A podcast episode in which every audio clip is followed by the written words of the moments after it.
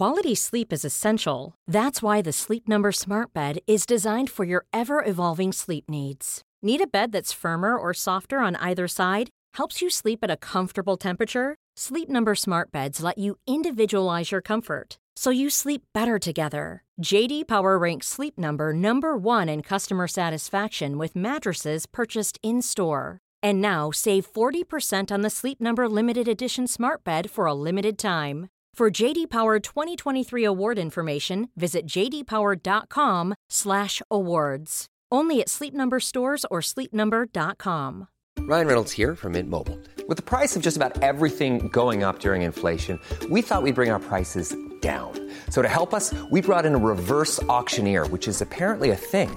Mint Mobile unlimited premium wireless. Ready to get 30, 30, bit to get 30, bit to get 20, 20, 20, bit to get 20, 20, bit to get 15, 15, 15, 15 just 15 bucks a month. So, Give it a try at mintmobile.com slash switch. $45 upfront for three months plus taxes and fees. Promo for new customers for limited time. Unlimited more than 40 gigabytes per month. Slows. Full terms at mintmobile.com.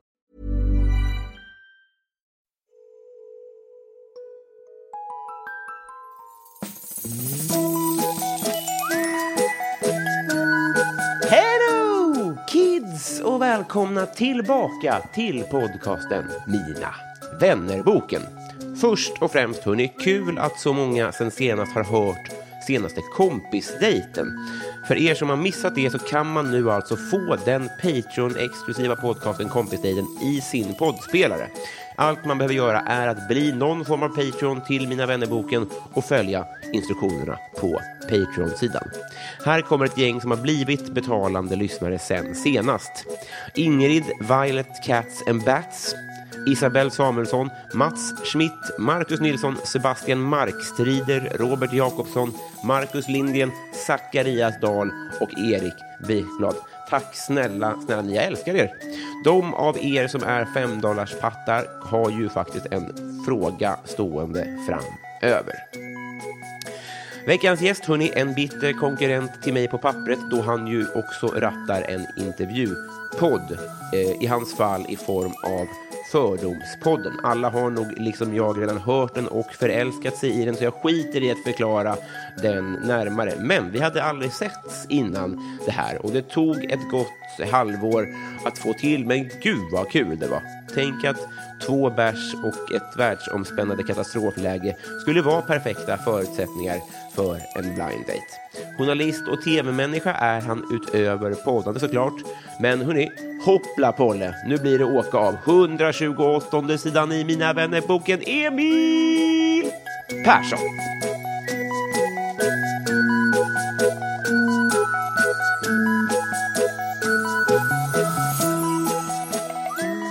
Hej! Hallå! Varmt välkommen hit. Tusen tack. Hur mår du? Ganska bra. Ganska bra. Ja. Det är ju eh, ja, men det är en märklig tid att vara vid liv. Ja. inte, enbart god.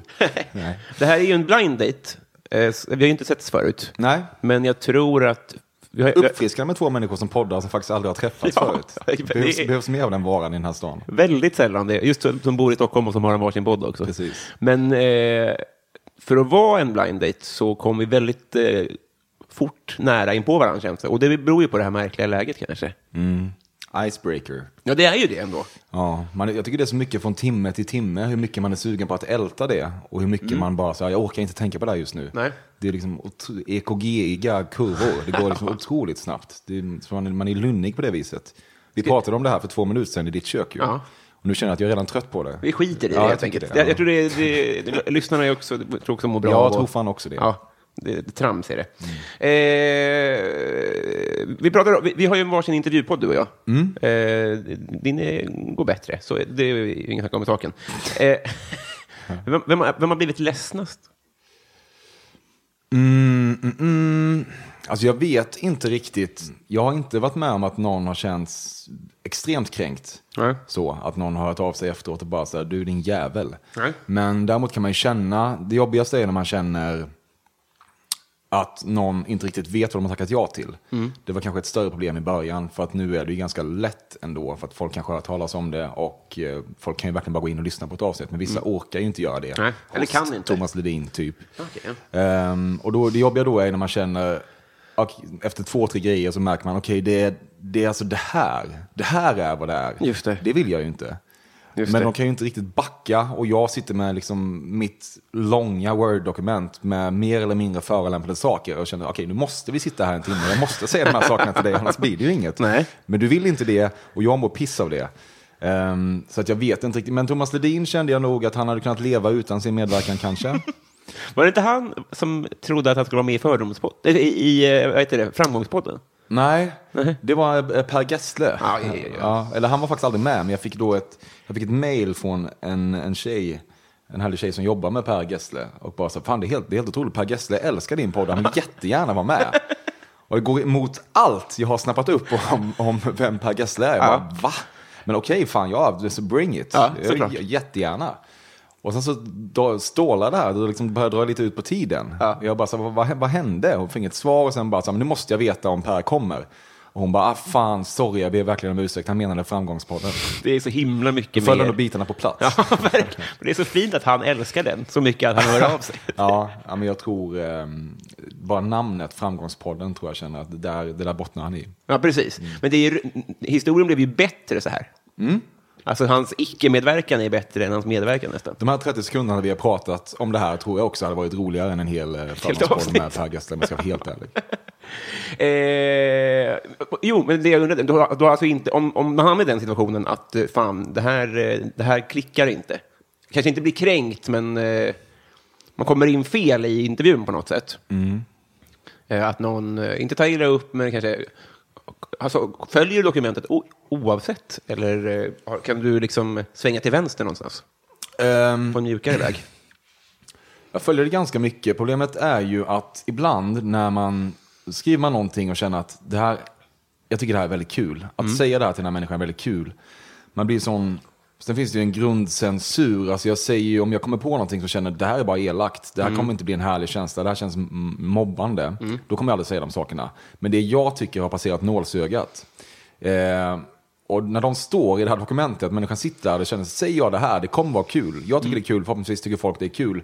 Då blir man nästan slav under innehållet. Så man, man har väldigt svårt att inte, inte gå hela vägen. Just det, men det kan väl gå ut över innehållet resten av intervjun om personen blir sur? Ja, man kan ju disponera om lite. Och, ja, men li, lite inkännande är jag ju ändå. Jag minns till exempel, jag hade Ebba von Sydow som gäst. Och eh, jag har ju alltid, jag tycker i och för sig att det här får lite för mycket uppmärksamhet i berättelsen kring min podd. Men jag har ju några sexfrågor i varje, i varje avsnitt. Eh, och hade det även med henne. Och då minns jag att en, jag skulle då liksom tänka mjuka upp det här spåret. Min första fördom som ens rörde intimitet. Eh, det går liksom inte ens att kalla det för erotik. Var att hon någon gång har, tagit, eh, har stått mitt emot en man, tagit tag i hans slips, dragit honom emot sig och sagt kyss mig. och då Ebba, eh, som jag tycker väldigt mycket om, hon är en otroligt härlig människa, men då var hon så här wow! eh, och då kände jag, okej stryk det här, här står det analsex, den stryker vi, stryk det här. Så då, fick, då får man ju backa. Sk- Självklart, man ska ju inte hålla på att tvinga människor att prata om saker de inte vill. Nej. Men folk har också alltid rätt, det säger jag innan också, folk har alltid rätt att säga ta bort det där, eller det här vill jag inte prata om. Ehm, så jag gör det i någon slags samförstånd. Jag vill inte att någon ska gå därifrån och, och känna att det var osoft. Ja, just det. det är, för jag är liksom i grunden ändå konflikträdd. Är du det? Ja, absolut. Men blir, eh, blir micken någon, en skyddsvall lite grann? Det tror jag. Det och som sagt så här, att när man känner att man har bra innehåll på gång, Ja. i den mån jag understundom lyckas skapa det, Ja. så eh, är det ju väldigt frestande att testa. Ja. Men det är också skönt då, för då kan man bara säga så här, men okej, är, gillar du inte det här så då stryker vi det. Så kan du ändå tänka bort att det har hänt. Men sen så är det också en, jobbar ju mycket med snälla ögon och liksom uppmuntrande nickar och sånt bakom micken som man inte ser, så att jag ska komma undan med mycket skit. Fan vad smart! Ja, eller det gör man säkert mer undermedvetet också, kanske än man tror. Säkert. Man är en, en livsmande art. Ja, man är väl det. Vad, vad, vad, vad, trevligt det här var. Nu, Mm. vi, ska, vi kan kringgå corona. Vi behöver inte prata om det, men min sambo sitter just nu och eh, har AV med 40 personer och dricker där inne. Det känns som att då- då får vi också. Ja. Eh, jävligt konstigt är det. Ja, verkligen. Men vi dricker ju också. Supertrevligt är det. Och du beställde mastarin. Ja, fan jag fick ångest. Du messade mig och frågade eh, vad vill du ha för fika? Och då svarade jag reflexmässigt massarin av någon anledning. Men så kände jag så här, fan du behöver inte köpa något jävla fika till mig. Nej, men- Så dryg grej, Vad fan, jag, jag bryr väl mig inte om det. Men jag tror att jag tänkte den här vet, skrönan om anställningsintervjuer. Att man alltid ska säga att man vill ha kaffe för att det tyder på någon slags pondus och målmedvetenhet. Ehm, att det är då man är en svag person. För man hatar sanningar om anställningsintervjuer också. Men jag tror att jag, att jag, kanske att jag föll in i det där. Bara så här, men jag, nu måste jag säga att jag vill ha någon slags fika eftersom du frågar så snällt. För annars kanske det är lite dissigt. Bara så här, jag bryr mig inte, du behöver inte köpa något. Ja, just det. Men ja, det blev en jävla massarin. Men det var ju Men, eh, svintrevligt tycker jag. det är gott, men jag, ä- jag äter kanske 0,8 massariner per år i snitt. Så jag vet inte om det är mitt favoritfika. Men det kanske för att jag hade, jag hade ju Carl Jan Granqvist som gäst i mitt senaste avsnitt. Det var ju icke Ebba von Sydow. Han var mer loose. Alltså, det är ju en galen man. en myspervo. Men eh, ja, då hade jag i alla fall en fördom om honom som var att han äter massarin med sked. Så kanske därför jag hade, jag hade massarin top of mind. Så kanske det var, ja. Eller för att Per Plus att Per Gessle... Gessle också gjort ett album, så vi har redan gjort, vi har redan cirkelslutning nog.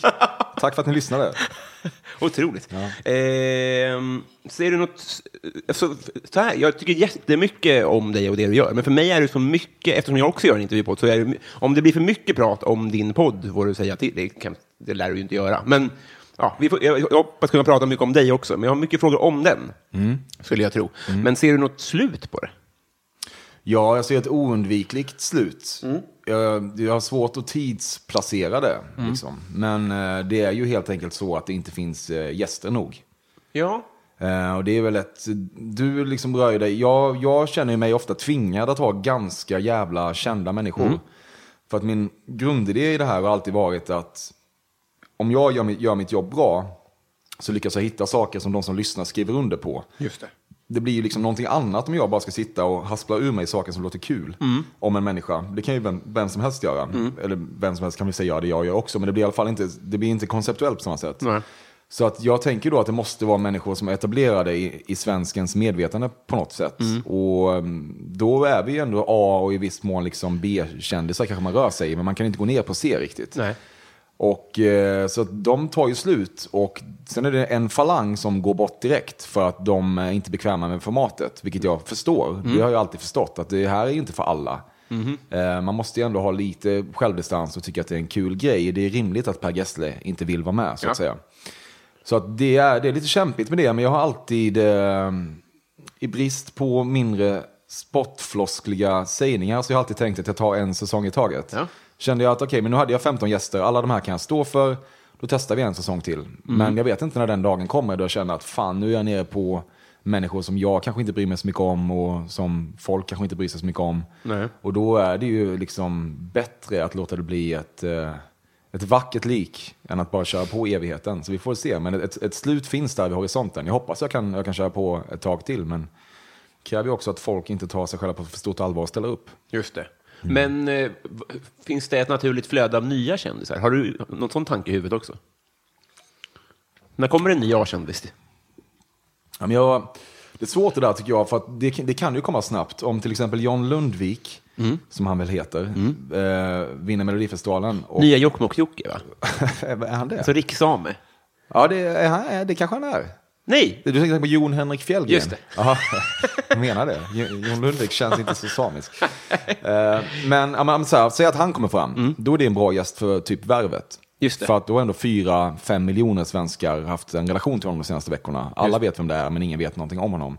Ah. Men i mitt fall så är det så här, ingen har ju hunnit skapa en bild av honom. Då vill man nog höra honom berätta, vem är du? Det är väldigt svårt för mig att låtsas förstå vem, vem den människan är från utsidan, för jag vet inte. Så det är svårt. Men däremot finns det också, jag försökte boka till exempel Johan G. Säcke, om du är bekant med honom. Du sa innan att du inte har konsumerat den här corona-hypen lika mycket som jag. En Sommarpratare vad det lider. Eh, Det är han nog, men det är han liksom virus-GV som han kallas. Eh, Honom försökte jag ändå boka för att han kände som att han, var, han har en så tydlig personlighet. Han svarade bara hinner inte, punkt. Vilket kändes väldigt, väldigt mycket enlighet med hans, med hans personlighet. Också rimligt. Ja, Det känns som att landsförräderi att försöka boka någon liksom den här corona-superfemman just nu. De får väl göra vad de vill, men jag, Tegnell kommer jag hugga på så fort det här skiten är över. Ja, men för det är det kanske till och med bättre för dig med en föredetting än en detting av den anledningen. Ja, så är det ju. Så att jag vinner ju i det. Att även om jag har svårt att återväxten är inte så stark, men däremot kan jag ju ta E-Type-figurer eh, som inte egentligen är aktuella med någonting. Nej. Bara för att de var, folk minns dem från förr. Så att där kan man ju rota. Ehm, så att det, ja, det jag, jag jobbar efter lite andra parametrar.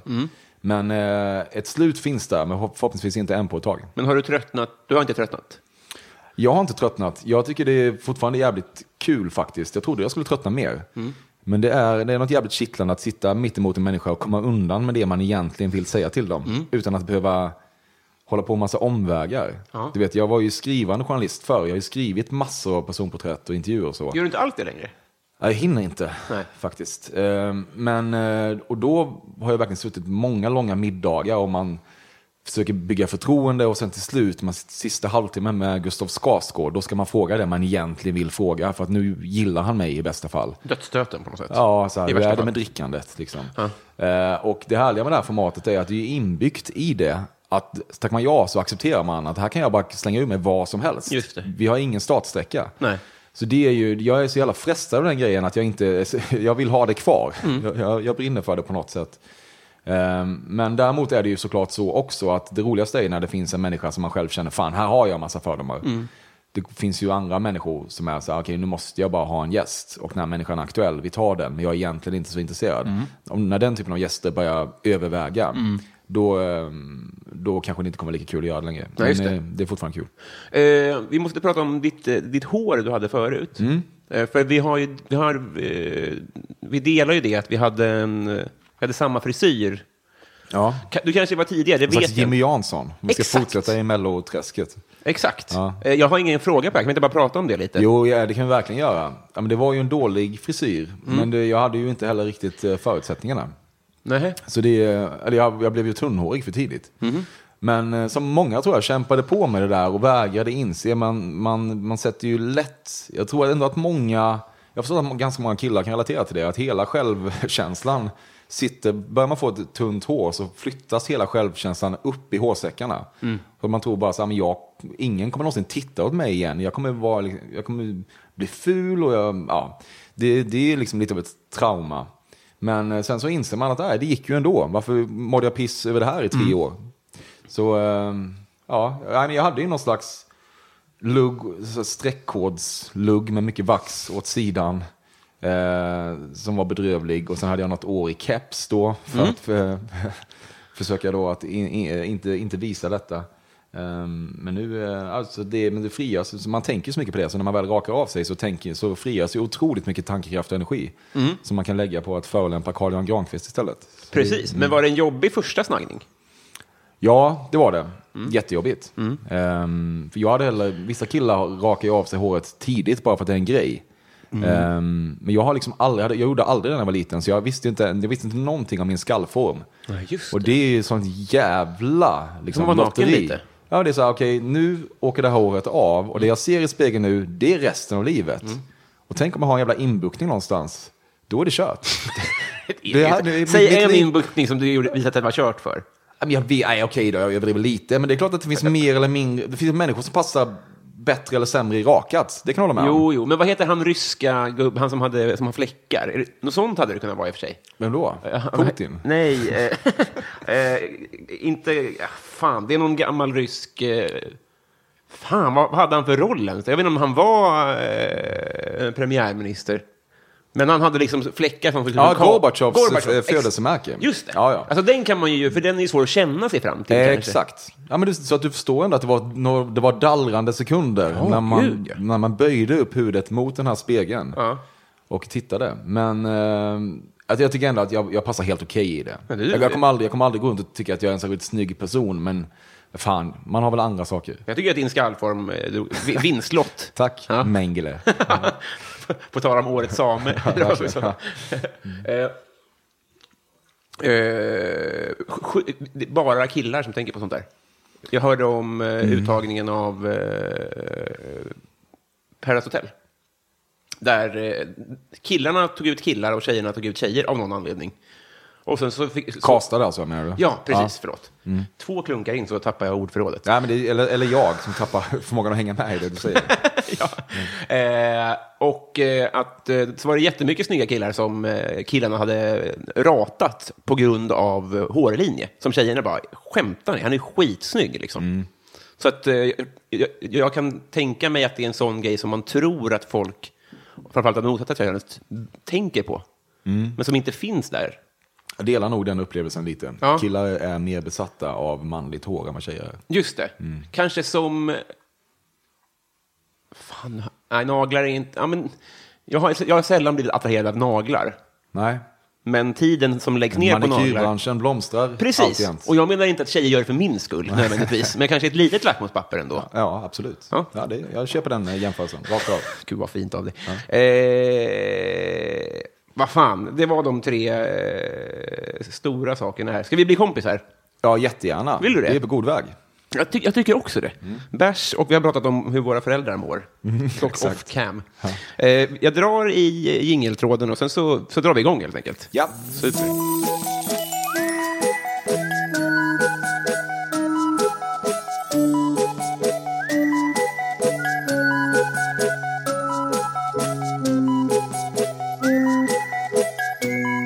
Emil, vilken är världens sämsta låt? Alltså, jag tror att låten heter The Whistle Song. Av, tr- fan, tror jag, eh, DJ Alligator. Men folk kanske får en tydligare referenspunkt om man kallar den för Blow My Whistle. Ja, Vi, vi, vi, vi, Ja, ja. Ja, lägg på den. Ja, ja. Blow your whistle. Blow your whistle. Blow your whistle.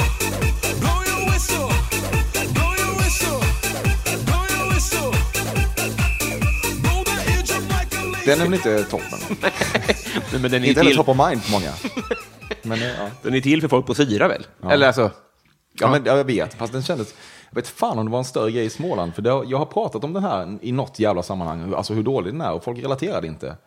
Det kanske bara var att jag råkade vara liksom i... var fel ZTV-årgång. Liksom. Men det var när sommaren gick. Men ja, den är bedrövlig. Vad hände med honom? Ja, det vet man inte. Det är få- som heter DJ längre. Ja, verkligen. Väldigt, väldigt få DJ som heter DJ. Få som heter någonting med alligator också. Det är synd.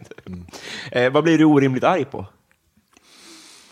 För mycket tror jag, men eh, jag blir ju, alltså min mest orimliga och värdelösa ilska är ju då mot taxichaufförer när deras bluetooth-system inte kopplar upp. Och det här är, då, det är en större, större diskussion och för, förvisso en ganska gjord spaning, men det är ju helt sjukt att bluetooth fortfarande är så jävla slumpmässigt. Ja. Liksom, ibland, det, finns liksom ingen, det finns ingen konsekvens i det. Ja, du vill spela musik i taxi. Jag sitter bak, jag kanske är full, jag är glad, jag är på väg någonstans, jag är på gott humör. Jag kan vara mycket mer uppåt när jag dricker än vad jag är när, jag sitter här, ska du veta. Jag, jag, jag, är människan som, jag är en ganska bra fyllepersona, jag blir gladare och mer högenergisk. Nice. Inget strul liksom. Eh, och då vill jag ofta höra musik. Och när det inte funkar då så är det, det sista man ska ge sig på är såklart taxichaufförer, detta vet jag. Men det är, ja, men jag, jag har ändå det där i mig. Jag gjorde en livepodd nyligen på Södra Teatern. Då Fredrik Wikingsson skulle, jag bad honom så här, kan inte du gå upp och introducera mig? Det är väl kul, Eh, du får liksom fria händer. Så jag hade ingen aning vad han skulle säga, så jag står och väntar i, i liksom kulissen. Och eh, han pratar i 6-7 minuter bara om hur bedrövlig jag är mot eh, taxichaufförer när deras bluetooth-system inte funkar. Så att det är ju, eh, det är ju hemskt. Men eh, desto större njutning när det efteråt visade sig att min Uber-rating var snäppet högre än hans. Ja, vilken mm. Jag jävla... gillar han inte att jag, att jag berättar. Men de kanske ger den av rädsla också. Vad sa du? De kanske ger den av rädsla också. Eh, Så kan det i och för sig vara. Men jag vill också, vill också föra till protokollet då när vi pratar om det här, att när en, en taxichaufför faktiskt säger absolut, koppla in, vi löser det här och jobbar med den, då är jag väldigt generös med dricks och väldigt tacksam efteråt. Så att jag jobbar på något slags, jag tänker att jag har någon slags good cup, bad cup-grej kring Bluetooth-systemet och, och Stockholms taxiscen som förr eller senare kommer göra att taxichaufförer, ja vad fan, som förr eller senare kommer göra att taxichaufförer tar Bluetooth-grejen på större allvar. Just det. För att de inser att det kan vara lönsamt även för dem. Så att jag gör också en samhällsgärning. Just det. Om de visste att det var värt 15 spänn, då skulle de fan uppgradera systemet lite Jag grann. tror att 15 räcker inte. Oj. Nej, men Ja. får man en bra resa med meatloaf på högsta volym, då kikar vi på 30-40. Satfläsk. Eh, vad hade du för affischer på väggarna? 100% Bon Jovi. Jaha. Eh, Han var ju med i Sex and the City. Jag vet inte, jag kommer att tänka på det bara. Och Eh, han, han är med i eh, Sex and the City. Han är med i ett avsnitt där. Han spelar, han träffar Sarah Jessica Parker i ett väntrum för typ drömtydning eller någonting. Du ser hur mycket jag vet. Han är med i ett avsnitt av Sex and the City, ändå minns jag det här. Ja. Och han spelar i Al McBeal, spelar han en rörmokare som heter Victor. Som träffar Calista Flockhart i typ sju avsnitt. De ville göra honom till en permanent karaktär Mm. för att han flög. Eh, då alltså hos tittarna, men han skulle ut på turné så det gick inte. Det finns en väldigt fin scen där han spelar Tom Waits I hope that I don't fall in love with you för henne. Jubel. Vi, spelar den också. Det är en av mina... Jag älskar den. Den är otrolig. Kanske originalet. Ja, inte, inte John Bon Jovis Victor-karaktärtolkning. Även om den också är fin. Well, I turn around to look at you. You light a cigarette. I wish I had the guts to burn one, but we've never met.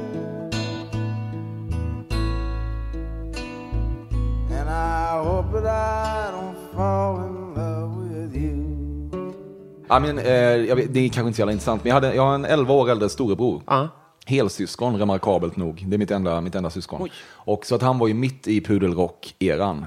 Och eh, jag var väldigt mottaglig för allt han sa till mig att jag skulle tycka om. Så jag, jag var besatt av Bon Jovi, vilket pågick upp till, jag var ja, men strax över 20 nästan. Var det Eh, weird som 12-åring? Eller var det, Det var lite weird, men det blev lättare tack vare att de fick ju en revival med It's My Life. Just det. Eh, jävla dänga på Pop, pop, 2000. eh, Så ja, då, blev, då blev de återigen lite coola. Och då var jag 15, tonårig. Så eh, det gjorde det lite, lite lättare. Ja. Eh, men, eh, ja, men det är, jag har ju liksom sett Bon Jovi typ 24 gånger kanske. Över 24, hela, över hela? Europa. Satan. Lissabon, Barcelona, San Sebastian, Kiel, Bremen, Hamburg, Oslo, Köpenhamn, eh, Wien, ja, Helsingfors. Ja, jag, jag har sett dem massa, London typ sju gånger. Men jag, alltså, Så jag att har jag- det är aldrig hört om ett. Bon Jovi- Jovi-fan. Nej, jag. och jag har ju släppt det nu, men jag har investerat så mycket kärlek i dem redan. Mm. Så det är, jag har, jag har, även om jag inte lyssnar på Bon Jovi längre så har jag otroligt starka känslor för det här bandet. Gud, nice. När notisen kommer att han har dött så kommer jag, eh, det kommer vara ett väldigt förkrossande ögonblick. Alltså på riktigt. Men det är väl långt kvar? Han är väl alert? Ja, men han eller? känns ju ganska titanisk. Ja. Eh, och det känns som att han har tillgång till bra läkare. Ja, Men, eh, ja, men han är född 1962. Vad är han då? 58? Han, 2 mars fyller han år. Ja, det är ingen riskgrupp det där inte. Fyll, nej, precis. Ja, men det, du, jag gillar Kiss. De har, det är veckor kvar. Mm, så jag tar en Ace Frehley-vinyl här.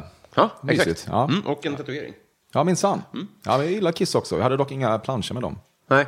Eh, jag har alltid lena fötter. Vad har du haft kroppslig tur med? Och fy fan vad svårt. Ehm. ja, men i, i, I så fall skulle jag säga det man inte kanske tror, eller jag har förstått att man tror, i den mån man någonsin tänker på någonting om mig, men mina vänner gör ju det. Ja. Man får nya vänner så får de en bild av en. Just. Eh, det som överraskar folk är att jag springer ganska mycket. Jag tror att jag utmålar mig mer som någon slags dekadent medie snubbe bara. Men jag gillar också att springa, men jag gör ingen grej av det. Nej. Det tycker jag folk kan, ta lärdom av. Ta om det. Eh, så att jag har alltid, jag har sprungit svinmycket alltid och jag har aldrig haft några förslitningsskador.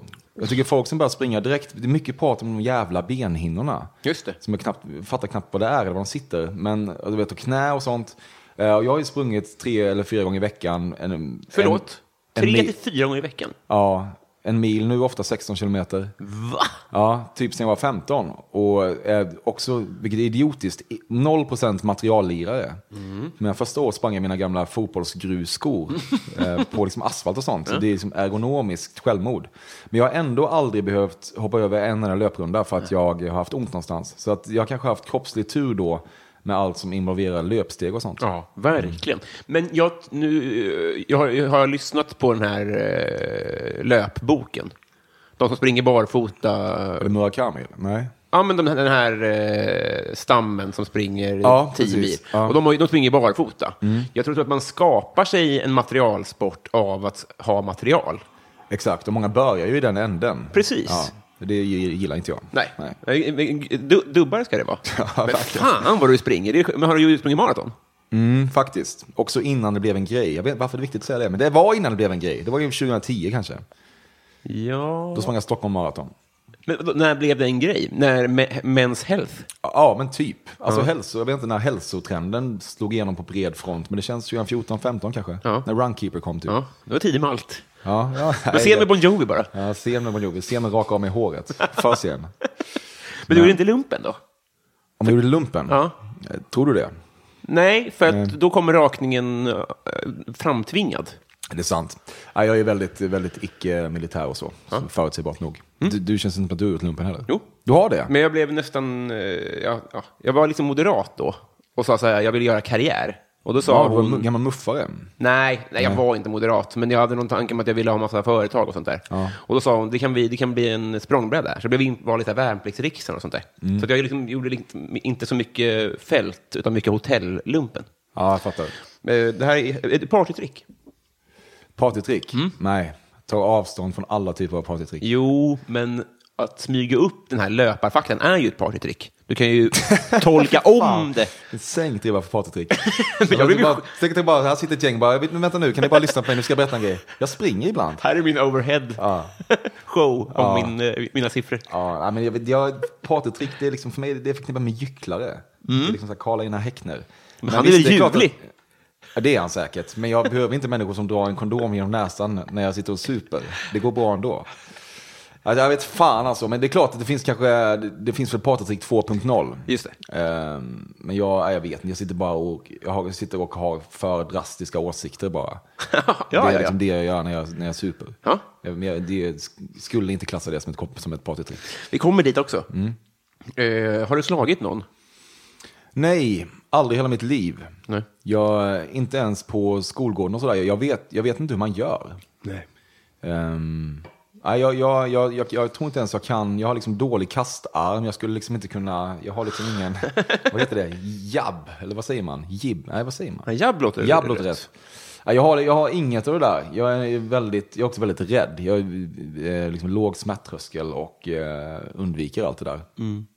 Får, Ja. du, får du kaninpuls när det blir eh, gruff omkring dig? Liksom? Mm, ja, alltså jag backar ju, backar ju långt därifrån. Men det händer inte så ofta. Det är klart att det fanns mer i min uppväxt. Det finns ett ställe som heter Balders hage. Just det, vad fan är det för något?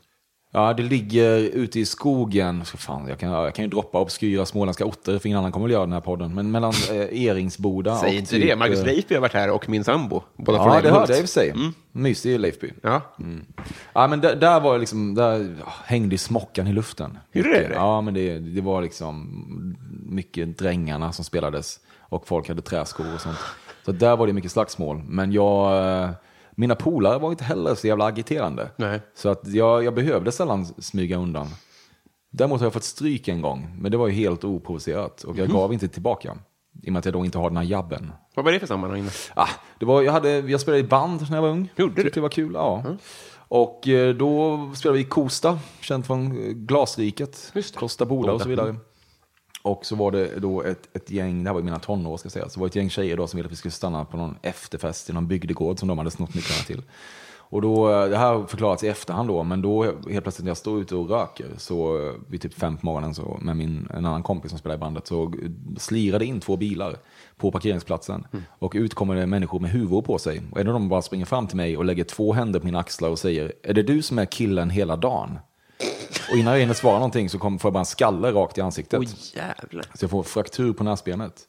Och då visade det sig senare då att vår jävla trummis typ har varit inne och raggat på någon tjej då som är ihop med den här killen och hon har typ ringt honom och han är då galen liksom. Ja. Stinker villkorlig dom, lång väg. Ja. Eh, Så då blev jag skallad och fick åka till akuten i Växjö. Eh, Men jag slog fortfarande inte honom. Så det är egentligen inte svar på frågan, Nej. inser jag nu. Men vem var killen hela dagen? Det var ju då vår trummis, Johannes. Vad betyder det uttrycket? Jag vet inte om är det du som går runt och tror att du är något. Är det det Jag har, det nog varken, jag har nog inte hört det, varken förr eller senare. Nej. Men jag kommer ju aldrig glömma det som du märker. Nej. Nej. Nej, det, för mig, det lät kul först, men sen kom skallen och direkt så drog du undan skämtmattan. Ja, ja, men det är, det är också ganska kul. Jag överlevde ju. Och min näsa förblev relativt rak, så det kunde gått värre. Ja, verkligen. Eh, ja, ja, ja, ja. Jag har varit på sjukhus typ en gång och det är bästa tiden i mitt liv. Ibland kan det bli... Alltså, morfin eller? ja, alltså jag blev nedsövd och opererad. Ja, okej. alltså, så här, jag kan ibland... eh, Man kan ibland... Nu, nu menar jag inte att lägga det på dig, men ibland när folk pratar om hemska upplevelser, så, lite som, men som lumpen, så kan man vara så här, men du, verkar ju tycka att det här var trevligt med lite perspektiv. Och då är det ofta det. Fattar du vad jag menar? Så länge det Absolut. inte är traumatiskt, liksom, så kan det ibland bli att man pratar om det som att det var någonting dåligt. Fast man egentligen tycker att det är trevligt på något Ja, sätt. men det är vi liksom framme vid den gamla klassiska Woody Allen-sägningen. Tragik plus tid lika med komik. Så är det nog. Så är det nog. Eh, vad unnar du dig? Mm, alltså jag... Jag lägger egentligen bara pengar på kläder och krogen. Behöver man pröjsa för kläder på café? Mm, det behöver man, fast man får lite rabatt. Men om man då köper dyra kläder så är de fortfarande ganska dyra. Just det. Så jävla dyra kläder var de har jag för sig inte, men det är egentligen mest det jag lägger pengar på. Jag är väldigt icke-materialistisk. Ehm, ja, jag har liksom inga, inga ekonomiska laster eller fallenheter på det viset. Nej. Så att, ja, men jag unnar mig nog, eh, jag unnar mig att vara, att vara ute en del. Ehm, för att jag tycker att det är kul. Och jag tänker att förr eller senare så hamnar man i en livssituation där man inte kommer vara där lika mycket. Och då kommer man behöva lägga pengar på annat. Men nu har jag ju pengar så jag kan gå ut och käka och jag kan köpa en, en, en rock från Acne. Om Ja, jag det. vill. Ja. Ja. Till rabatterad då. Ja. Eh, och då, då kan jag väl få göra det. Såklart. Något måste man göra. Ja. Men jag är, inte, jag är liksom inte så här att jag sitter och liksom väntar på att få en lön för att nu jävlar ska jag köpa det här som jag har drömt om. Nej. Nej. Men jag tycker att unnet är bra. Ja. Jag tycker inte att man ska klandra folk för vad de unnar sig. Nej, det är ju liksom ett belöningssystem Ja. på något vis. Eh, man får bara se upp så att det, där inte alltid är synonymt med alkohol. Så är det nog. Eller att alkoholen, att det slutar bli unn. Ja, precis. Det är också en, där, där handlar man, jag har börjat trubba av bubbel. Att det jag kommer på hur trevligt det är att det är, det är nästan en måltidsdryck. Ja, Det är risky. ja det, det låter så. Samlar du på något då? Nej. Eh, lite grann av samma anledning gör jag fan inte det. Jag var lite av en hoarder när jag var ung. Då samlade jag fan på allt. Någon jävla anledning. Samlade på, eh, du vet sådana här penntroll. Fast i liksom eh, life size eller vad man ska säga. De stora, är de danska? Det känns som man vill säga danska troll. Ja. Skitsamma, jag sam- samlade på sådana jättemånga, jättekonstigt. Eh, Få killar som... Ja, androgynt på något jävla sätt. Ehm, och, så- men allt, jag hade så här, vet, Swarovski kristallfigurer. Som också Är det- kunde få killar samla på. Lät kul. Ja, jag vet. Ja, men jag tror det var liksom samlandet som var grejen.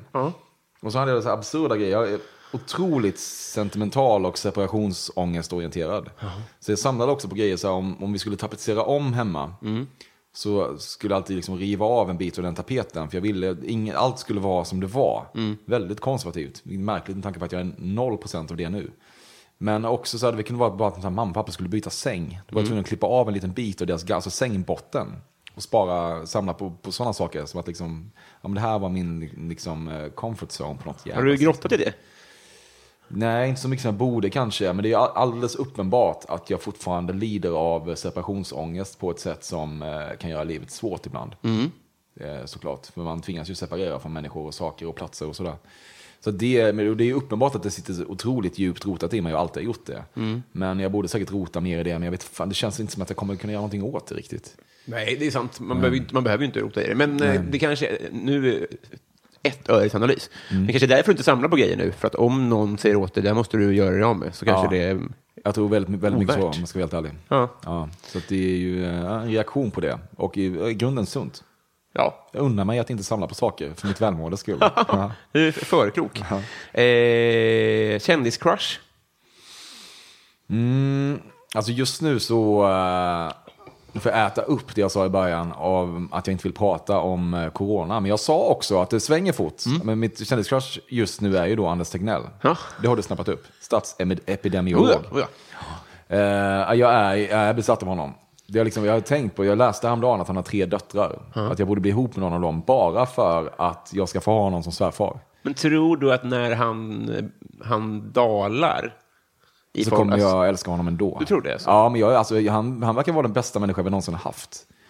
Jag, jag, jag, ja, men han är det. Mm. Ja. Men det är en svärfars crush alltså? ja, eller jag, jag lever, alltså, jag har gärna en icke-platonisk relation med honom också. Mm. Ge mig honom bara. ja, han är så otroligt trygg och vettig och så unfaced. Han har blivit, alltså det, det han har upplevt, alltså någon som går från inget till så mycket, jag vet inte om det har hänt i svensk historia. Nej. Han, han är ju den som bär det här landet genom krisen, det är ju inte Löfven. Det är ju han som alla vänder sig till. Det Så ju, är det. Ja. Det är något, något jävla sjukt i det. Och att han dessutom vågar köra, det är trött att prata, men att han vågar köra på sin linje Mm. i det här för att han tror på den. Och det är liksom inga konstigheter.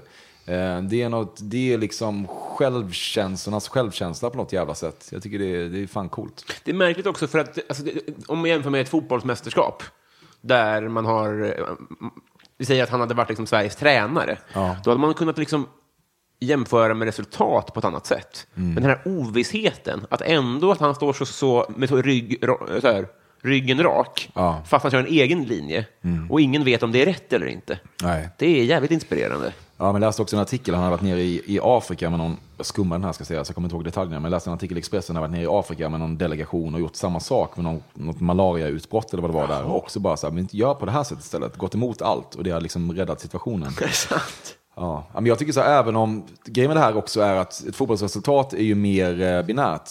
Okej, ni förlorade, då gjorde du fel. Här kommer man ändå aldrig veta. Det kan ju vara så att även om eh, man hade kört mer, låst in folk mer som alla länder, länder hade gjort, så kanske fortfarande Sveriges dödstal hade varit högre än vad det här kommer bli. Man vet ju inte, för vi har alla lite olika förutsättningar. Så att man kommer aldrig kunna bedöma honom på ett svintydligt vis. Men eh, bara, jag, jag, jag är mer eh, förälskad i, i honom som person egentligen. Ehm, än huruvida hans lösa rekommendationslinje är bättre än den mer eh, hårdhänta linjen som körs i andra länder. Ja, men det hade också varit coolt om man hade fel, för då är det ännu mer inspirerande med den där ryggrads... Ja, så är det. Fast jag, jag vill inte, det- jag tycker bara det är jobbigt redan när han måste stå och försvara sig om att så här, nu har smittan kommit in från äldreboenden. Jag vill inte att han ska vara i skärselden. Nej. Han ska, han ska vara in control. Ja. Så att det, det, är ändå viktigt, det är såklart viktigt också att folk inte dör och så. Men det är också viktigt för mig att eh, Tegnell eh, går ur det här som en vinnare. Ja, gud ja. eh, vad är det ondaste du har haft? Ja, men, ehm, jag tror fysiskt så är det nog det här, eh, den här eh, näsbensfrakturen. Jag har varit väldigt förskonad från sjukhusvistelser. Ehm, och sen eh, mer eh, psykiskt så är det ju ja, som alla andra. Det är ju liksom uppbrott och, och annat skit liksom. Det gör ju eh, väldigt ont. Ja, så är det ju. Eh, gillar barn dig? Um, sådär tror jag. jag tror att min, min, min liksom lite mystiska pryl är svårare för barn av någon anledning. Ja, men jag vet fan, jag tror, jag tror att jag, jag behöver nog barn för att verkligen fatta barn. Jag har i och för sig tre brorsöner, de gillar mig mycket. Problemet är att de bor i Småland. Och vi har, så att vi har, under hela deras uppväxt så har jag varit en liksom, figur som sveper in glöggfrintlig på julen och liksom, ja, sitter och säger saker. Men jag har liksom aldrig haft den där riktiga närheten. Jag har liksom inte behövt passa dem eller, eh, eller sådär. Så att jag, eh, jag tror att eh, barn kan nog älska mig mer än vad de gör i nuläget. Men ett- är ja. du som jag, att du inte gärna går ner på knä och pratar på barns vis? Ja, det, det, tyvärr är man väl så. Jag har, man har ju en otrolig, tror jag ändå, det är svårt att säga om sig själv, men jag inbillar mig att jag är ganska självmedveten, att jag ser mig själv utifrån och, och liksom tänker på vad jag säger och får ångest när jag säger dumma saker efteråt. Sådär. Så att då, och där har jag ju väldigt, du vet den här bebisröstgrejen. Det är det jag menar, att jag tror jag behöver något som bryter barriären och det är väl ett eget barn. Det känns som när jag är så starka så att man, man släpper alla de här patetiska tankarna om vad fan håller man på med, hur framstår jag ju nu? Ehm, så att jag, jag, skulle, jag skulle behöva något sånt. Jag behöver ett genombrott med ett barn. Och sen tror jag att jag jag kommer bättre mot alla barn. Men det var bra också om, du, om det är ett annat barn som gör att du vill skaffa barn för att du vill skaffa barn och inte för att du vill bli bra med barn. Ja. Men jag har ju, jag, jag, senare tid har jag börjat eh, lägga mig till med fler vänner som har barn. Så att det jobbas ändå, men de vännerna håller sig mig borta från deras barn ganska mycket. Men vi har pratat om att jag ska börja få träffa dem mer. Så att jag, liksom, för att det kan vara, kan vara bra för alla. Ja. Barn- Barnen behöver också en, en mystisk gestalt och inte bara en pappa som, som pratar bebisspråk med dem. Snusmumrik. Ja, men lite så. Eh. eh. Kändaste släkting? Gillar du fotboll? Tokig i skiten. Du är det ja. Då får vi se om du känner till det här. Men jag kommer ju från eh, en släkt som heter Bild. Ja, Ringer det några klockor? ja heter han Andreas Bildt? Mm. finns en Andreas Bild eh, och en bror till honom som heter Fredrik Bild. Båda spelade i Öster. Andreas Bild spelade så småningom i Hammarby. Fick där smeknamnet Stillbild för att han var så långsam. Det är jättekul. Eh, Men längre bak i det trädet så finns då också, eh, för våra äldre lyssnare, en Harry-bild och en PO-bild. Som båda var liksom genuina landslagsmän och har verkligen uträttat saker. Så det är ju, det är, jag är ju då, tänk att jag inte vet om jag är syssling eller pyssling, men jag är någonting av det. Heter det Pyssling verkligen? Nej, det kanske inte ens är en grej. Det är så folk säger tremänning och sånt, men det är Jo. samma sak som syssling eller? Men Pyssling är väl dvärg? Är du säker på det? Alltså leprechaun tänker jag är pyssling. Är det så? Alltså, den, alltså det, det sjuka med dvärg är att du får ju inte säga dvärg. Om men du vänta men- nu, har jag trott att pyssling... Ska vi, jag måste nästan kolla det här. Det är helt sjukt om jag har trott att pyssling är ett Eller om du tror att pyssling är dvärg när det i själva verket är... Du, för, alltså- du förolämpar ju någon av dina... I så fall är det din släkting till dig som är din pyssling. Det är det värt. When you're ready to pop the question, the last thing you want to do is second guess the ring. At Bluenile.com, you can design a one of a kind ring with the ease and convenience of shopping online. Choose your diamond and setting. When you find the one, you'll get it delivered right to your door. Go to Bluenile.com and use promo code LISTEN to get $50 off your purchase of $500 or more. That's code LISTEN at Bluenile.com for $50 off your purchase. Bluenile.com code LISTEN. Quality sleep is essential. That's why the Sleep Number Smart Bed is designed for your ever evolving sleep needs. Need a bed that's firmer or softer on either side? Helps you sleep at a comfortable temperature? Sleep Number Smart Beds let you individualize your comfort so you sleep better together. JD Power ranks Sleep Number number 1 in customer satisfaction with mattresses purchased in-store. And now save 40% on the Sleep Number limited edition Smart Bed for a limited time. For JD Power 2023 award information, visit jdpower.com/awards. Only at Sleep Number stores or sleepnumber.com. Men, ja, det- men det är lite som biljard, alltså om det räknetalet biljard finns. Ibland så slänger folk sig med det. Men jag gör- tror inte att det finns. Jo, jag tror att det finns. Vi har haft det som fråga alla mot alla. Satan, okej. Men, men här då, är pyssling ett... Ja, Eh, ja, ja, men skitsamma då. Vi, vi inte du har en dvärgsläkting som har spelat fotboll förr. Folk som lyssnar på det här nu tror jag vet om uh, idiotförklarar någon av oss. Måtte det vara dig. Jag tycker vi låter den Ja, hänga. Ja, absolut. Men eh, jag är släkt med dem. Ja. Det, är, det, det är nog det kändaste jag har. Ja. Stillbild och gänget. Det är ett jävla bra smeknamn. Vem får ofta höra att du är lik? Ja. Ehm, när jag hade den här bedrövliga frisyren med min snedlugg så, eh, och inte hade något skägg så fick jag faktiskt understundom höra, det kanske är svårt att se idag, men jag kunde ändå köpa det lite då, att jag var lik eh, Anthony Kiedis i Red Hot Chili Peppers. Det ser man inte så mycket nu, det förstår jag. Nu får jag mest egentligen höra, jag verkar ha ett ganska tråkigt allmängiltigt utseende. Men det är ju också någon slags befogad baldism. Är man rakad med skägg så vi ser ju likadana ut allihop i ganska hög utsträckning. Det är jag fine med. Men jag får väldigt många lyssnare, poddlyssnare eller följare som hör av sig och tycker att de har en polare som är lik mig. Det var ett gäng som någon DMade mig och sa Fan, vi är ett gäng killar i Trollhättan, vi har en kompis som är så jävla lik dig. Vad tror du om att vi sätter oss en bil och kör upp till dig och så får vi testa om han kan låsa upp din telefon med face recognition? Roligt. Ja, kul. Jag sa ändå nej, för jag kände att jag, jag vet inte vad det här kommer leda till. Men det var kanske lite dags, i efterhand kan jag känna att det hade varit kul. Men ja, sen måste jag väl liksom förvalta de här killarna från Trollhättan en hel kväll i Stockholm antar jag. Det, kanske, det- det, det- kanske jag inte orkar. Jag orkar inte alltid saker. Men ännu mer anmärkningsvärt var det ju när eh, jag hade haft min podd i kanske ett halvår. Mm. Och då eh, får jag hem ett brev på posten från polisen. Som säger att eh, hej, du är misstänkt för eh, misshandel på T-centralen klockan 03.19, något jävla datum, typ augusti någon gång. Är det så det funkar? Vad sjukt. Okej, ja. Ja, det, du, vet, du vet inte vad jag ska säga än. Om Nej, men jag, polisen brevar ut sånt här. ja, det är så, tydligen. Ja. Och då känner jag så här, vad, först bara så här, vad fan gjorde jag den där dagen? Men i och med att jag har, som jag har sagt, är en människa som aldrig någonsin slår någon, så tänker jag att hur full jag än har varit så har jag inte slagit någon på T-centralen. Så jag började så här, gå tillbaka och backtracka sms-konversationer och bara så här, hitta någon tjej som jag träffade flyktigt då och bara så här, okej, f- vi sågs typ den här kvällen. Eller jag låg i alla fall hemma och messade med dig om vad jag gjorde. Så jag ringer polisen bara så här, fan, vet, vet ni vad? Eh, det här är bara fel. Jag har inte slagit någon. Var, var får ni det här ifrån? Och då säger de, ah, okej, så jag fattar, eh, typ, men du måste ändå komma in. Du kallar, du måste komma in. Och då eh, åker jag in och sätter mig i mitt livs första och hittills enda polisförhör. Och då visar det sig då att de har fångat en kille på övervakningskameran upp som man ser efterlyst. Alltså okej, de har fryst en bild som är på väg upp en rulltrappa. Som är så jävla lik mig. Alltså det är, jag, jag har aldrig sett något liknande. Men han är, han, det finns liksom, han är lite längre Ja. och kanske liksom lite rundare i ansiktet. Men då är det helt enkelt så att de har, de, har, de har stått och sett den här och så är det någon konstapel eller en utredare kanske där. eh, som har då sagt, vänta nu, det där är den där killen med den där podden. Ah. Jag vet att det är han. Eh, så att jag är lik människan som fortfarande går på fri fot och slår ner folk på T-centralen. Men jag vet ju inte vad han heter. Gör det gör det dig sugen att byta utseende på något sätt?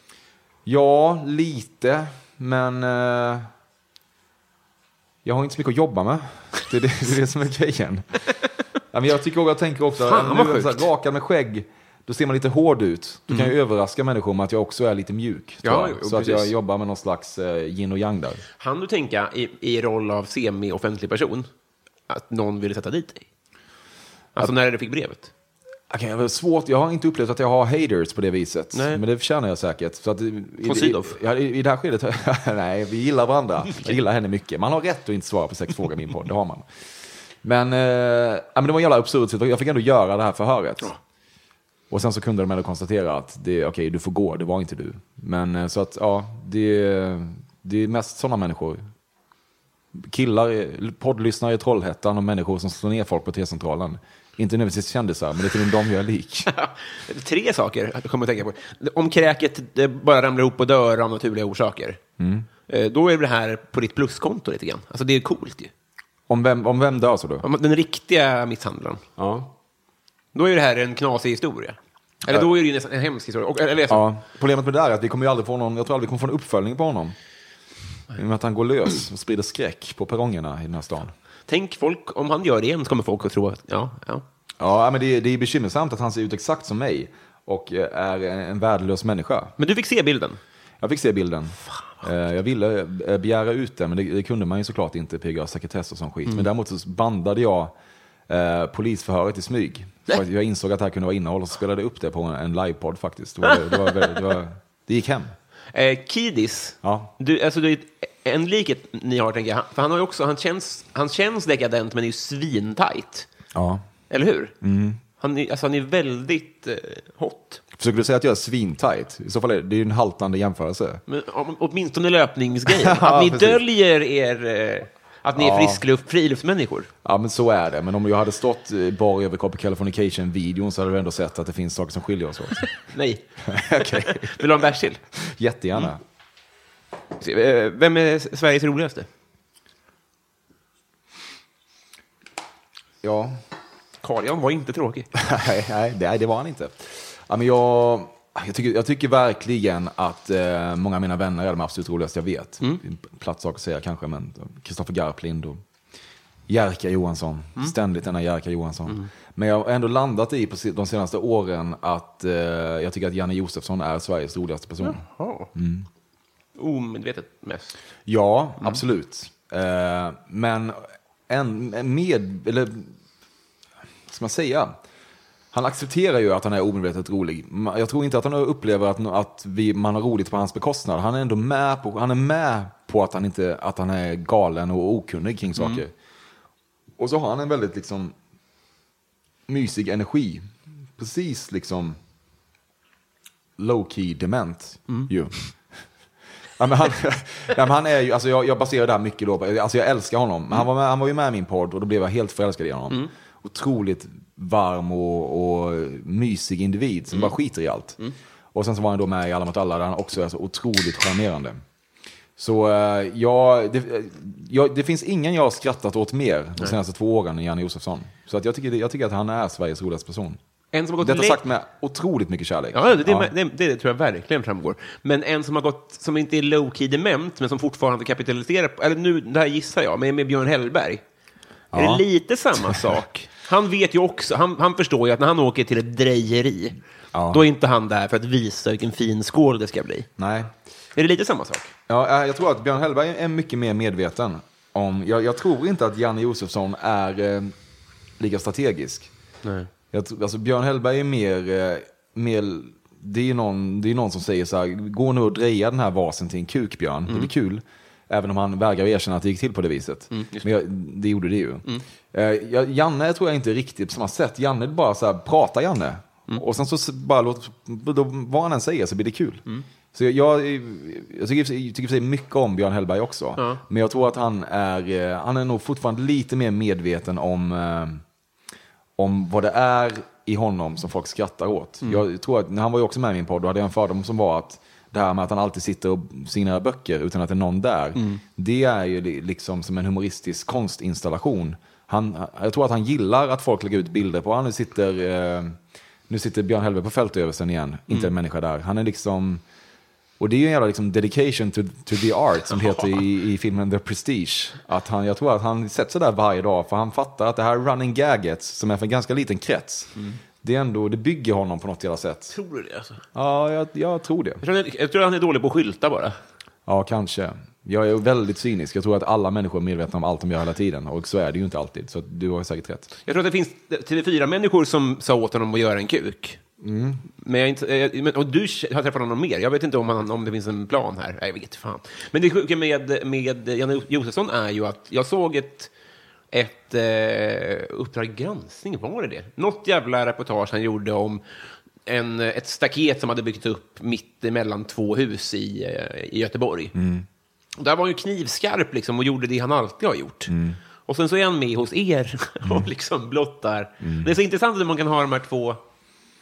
Ja, vet, vi hade ju ett exempel den här säsongen då eh, han då och Cecilia Frode som han tävlar med i Alla mot alla som jag då jobbar med kanske man ska säga. För, ja, för kontext. Eh, frågan är då, eh, det finns ett berg som heter Olympus Mons som är tre gånger så högt som, som eh, Mount Everest. Var finns det här berget? Och eh, svaret är då på Mars. Men eh, Janne börjar liksom så här, "Ah, fan, vi har alltid trott att Mount Everest var det högsta berget, men så här, ner och snuddar vid Grekland, men landar till slut ändå i Kanada. Där ligger det. och det är, eh, det är kul. Det är liksom, eh, du eller jag kan inte skriva någonting som är, någonsin kommer i närheten av lika kul. Mount Everest är världens högsta berg utanför Kanada. Ja, exakt. Man glöm, man glömmer det så ofta. Eh, vad får dig att gråta? Ja, Jag är väldigt mycket, det handlar väldigt mycket om mitt generella välbefinnande tror jag. Eh, är jag på en skör plats så kan jag, kan jag gråta av allt. Eh, och är jag på en ganska stabil plats så, så ska det till liksom något slags eh, snyftig March of the Penguins-aktig dokumentär kanske. Men jag, grå, jag, grå, men jag gråter, jag är nog jag är ganska, ganska mycket av en standardgråtare. Jag kan jag gråta åt ett riktigt starkt konsertögonblick, jag kan gråta åt en stark film. Men jag gråter mest åt liksom, mina, mina egna tragedier. Mina egna svårmål i livet tror jag.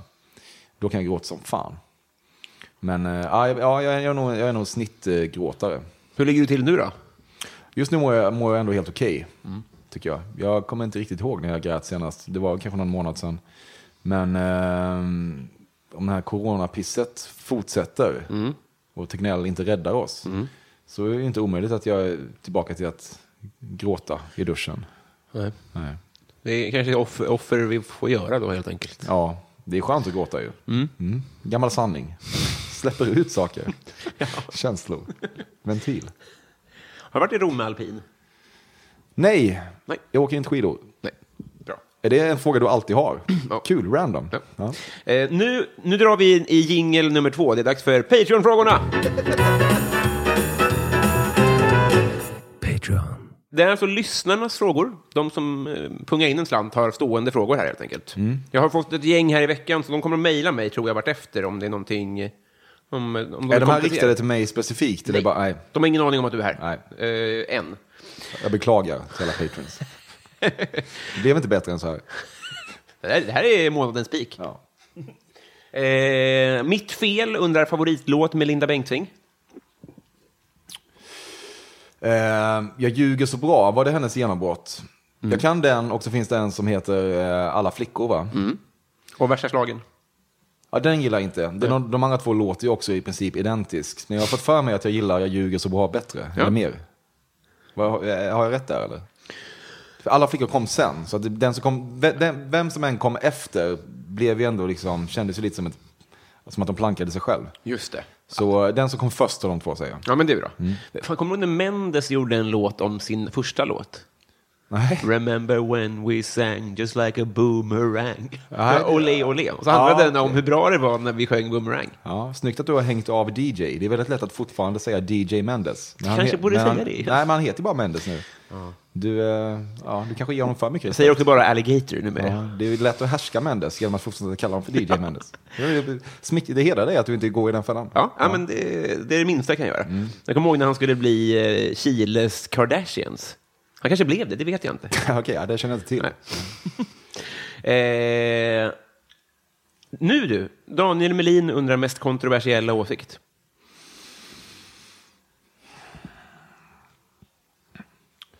Jag vet, jag, vet, jag vet inte hur jävla kontroversiellt det är, men jag tror ju att alla människor egentligen bara låtsas gilla hummus.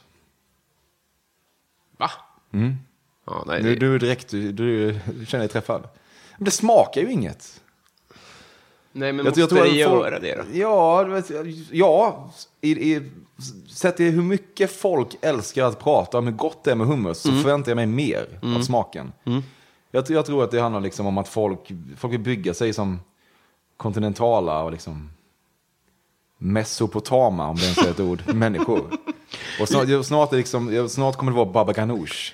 Just nu står folk i Stockholm och gör hem, hemgjord baba ganoush. Det smakar inte heller så mycket. Det du vill säga med det Det här är positionerande. Ja, just det är positionerande för att visa att man är öppensinnig och så vidare kanske Mm. då, mot nya världen. Ja, exakt. Vi har gått vidare från husmanskosten för länge sedan. Just. Och det här, just nu gör vi det här. Men nu tror jag att hummus är för utbrett. Det finns redan i Värnamo. Så då måste vi fokusera på baba ganoush. Ska och säga att jag är besviken på din... Eh, framförallt för att du sa att på fyllan så har du nästan som partydrick att du släng, svänger ur dig kontroversiella saker. Ja, drastiska. Drastiska, jag, jag, jag förstärker. Jag säger att den där jäveln måste dö. Ist- Istället för att säga att den där jäveln är inte soft. Jag förstår. Jag, förstår. jag trodde det var så här... ah, Hyperboler, som det så vackert heter. Gör det? Ja, Är det, det borde du veta. Det är ju humor, eh, tjafs. kan ingenting. Nej.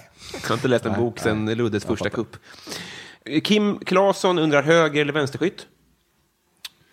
Eh, alltså vilken fot jag... Nej, jag tror att det, det är med klubba. Och det är Ja, motsats. just det. Ja, just det. Ja, ja. Ja, Men jag är, eh, jag är eh, mainstream, vänsterskytt. Just det, Jag har precis. spelat massa innebandy. Har du? Det kan man nästan lista ut av min frisyr. För de som såg den. Den förra frisyren? Den förra frisyren, ja. ja. nu, nu är det mer svår, svår eh, spotplacerat.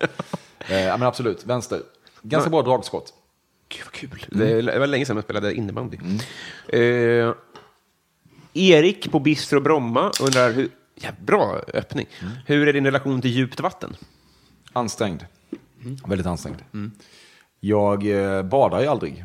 Varför då? Ja, För att jag tycker det är för kallt. Jag, jag sa länge att eh, all, allt under eh, 27 är för kallt. Men jag insett att det räcker inte. Det, det, det, 29 tror jag är min nya miniminivå. Men gud, vad tråkigt för. Är det, är det inte det? Jo, men jag var, jag var, jag var på, på semester i och för sig med mitt ex förra sommaren och då, jag fattar också det, jag känner att jag kan inte hålla på så här för att det är inte så jävla kul att bada själv i en veckas tid på Sicilien. Eh, Så då kände jag att nu får jag fan ta mitt ansvar och gå i. Och det var väl liksom okej. Men jag, jag, jag gillar, inte, jag gillar inte att bada. Och jag skulle liksom framförallt ta en båt ut, liksom mitt ute där jag inbillar mig att det är ännu kallare än vad det är vid liksom strandbrynet. Kanske det också. Eh, och så där är det ju djupt vatten. Så att det, jag, gillar, jag gillar inte det. Nej, du, men, men nästan vatten generellt då gillar du inte kanske? Nej, alltså jag gillar ju varmt vatten. Det är mest temperaturen. Jag gillar att duscha varmt och så. Ja. Det är okej. Men nej, jag, går liksom inte, jag skulle aldrig gå på liksom Eriksdalsbadet Nej. eller eh, folk som vinterbadar och sånt. Det, det känns som att de är en annan art än vad jag är. Jag, Mm. jag förstår det inte. Det, det är något, jag vet inte, perverst i det. Nu är jag en sån i någon mån, men jag upplever också att det är lite av en träningssak. Alltså, barn gillar bara makaroner och, och eh, pannkakor. Ja.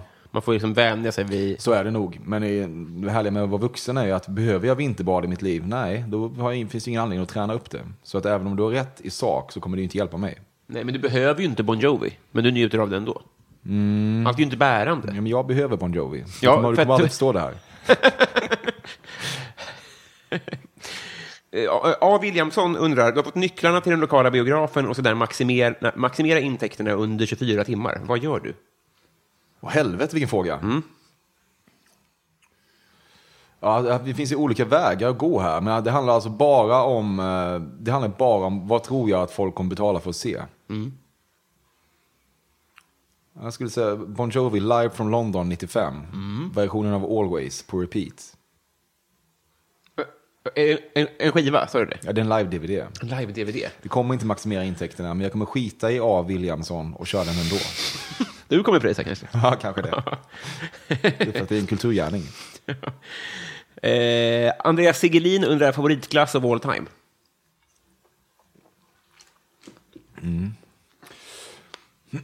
Är det också för kallt? Vad sa du? Är det också för kallt? Nej, nej. Eh, glass gillar jag. Ja, men, alltså, jag, jag, jag bara tänker, det är, jag är inte jättemycket av en glassperson. Jag gillar, jag gillar att äta saker som, man, som är dåliga för en. Men jag är mer av en, en snacks och godisperson. Men jag, det ärliga svaret måste ju vara den glass man har ätit flest gånger, eller hur? Det, det finns någon logik i det. Det är rimligen min Om man inte favorit. äter snålapäron. Om man inte ska intellektualisera det här. Utan bara säga, okej, vad går jag efter när jag ska ha en glass? Och då är det Daimstrut. Eh, rikt. Ja, men också för att det är inte så mycket glass. Det är väldigt mycket rån och choklad. Liksom. Dime. Jag gillar den här kompakta chokladavgjutningen i botten. Det är så himla Det känns som att den snart kommer att ta bort den. Och så kommer det bli, kommer det bli ramaskri. För att det känns som att den är dyr för dem. Det tänker jag mycket på. Det kommer det bli. Eller hur? Då kommer De kommer försöka smyga bort den och så kommer det bli uppror och så kommer den komma tillbaka. Och så Nej. har allting varit helt meningslöst. De kommer att göra en PR-grej av det precis som Trillingnöten. De vet precis vad de gör. Ja, du har rätt i det. Så kommer det gå till. Eh, Martin Lundberg undrar, vad är det stakigaste du har gjort?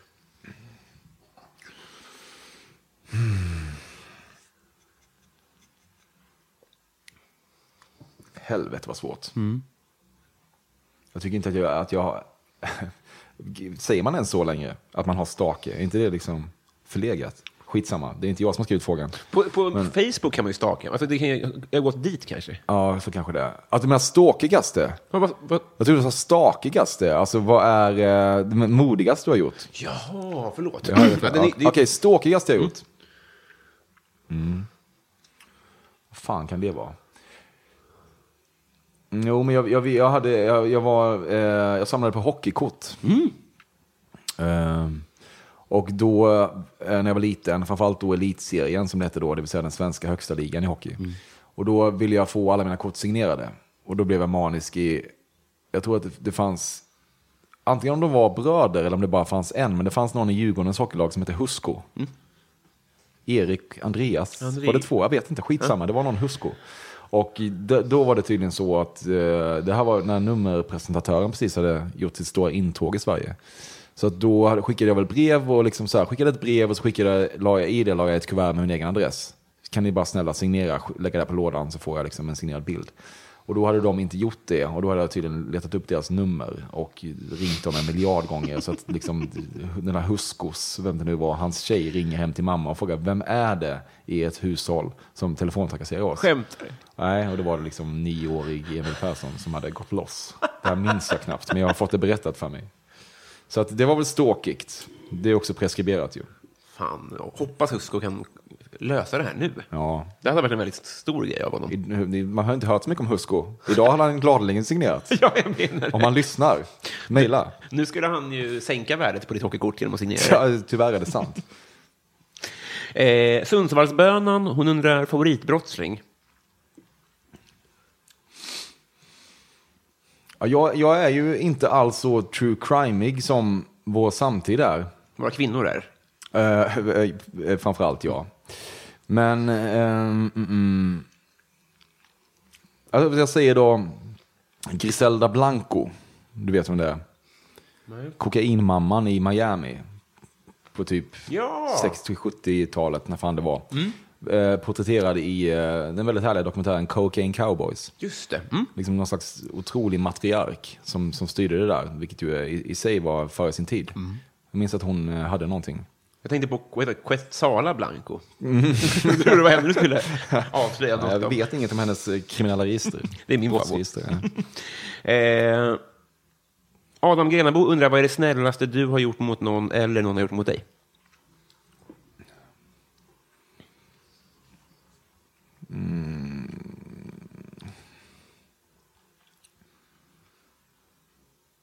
Ja.